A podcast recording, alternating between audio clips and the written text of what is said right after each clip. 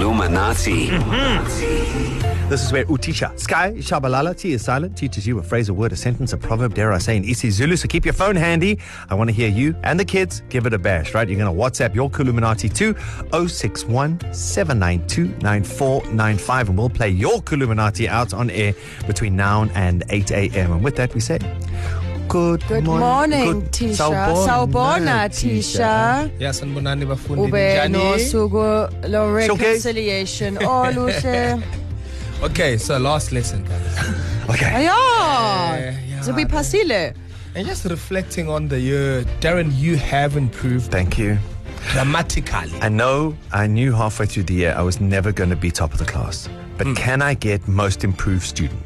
We'll, we will, let's see how you do today. Okay, okay. Okay. Kerry Miller, obviously, you've been absolutely fantastic. I've had my days, but thanks, Yes, Tisha. Yeah. Um, yeah, so well done to you. Thank you so much, Thank sir. you. Thank you. Uh, this this sentence came to me after the president told us that the beaches to will be you. closed. In a, in a dream, yes. And a dream yard came. Like, That's what I must teach. Yes. So today, the beach is closed today.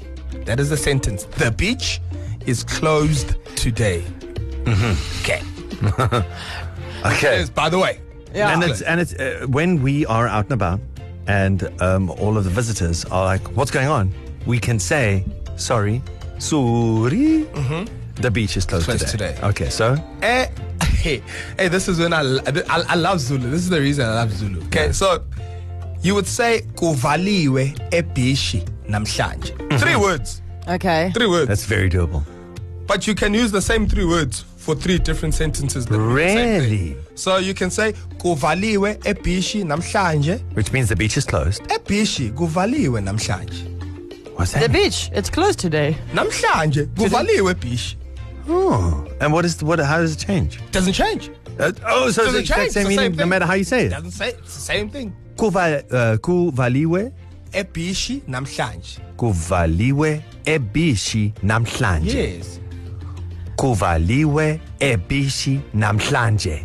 Even South Coast Mark can Ah. get this Nah, that, one. That, that is like, bruh. Like, if you can't get this one, I mean, Kuvaliwe ebishi namhlanje. Sorry. Kerry Miller, you can choose one of the three. Well, the second one is just really resonating with me, Tisha.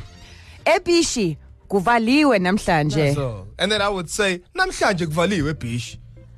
Oh, so literally those three words, any order. Any order. So just if you can get namhlanje, kufaliwe, and ebishi Into a and sentence, Pop you're it in done. there any way you like. Yeah.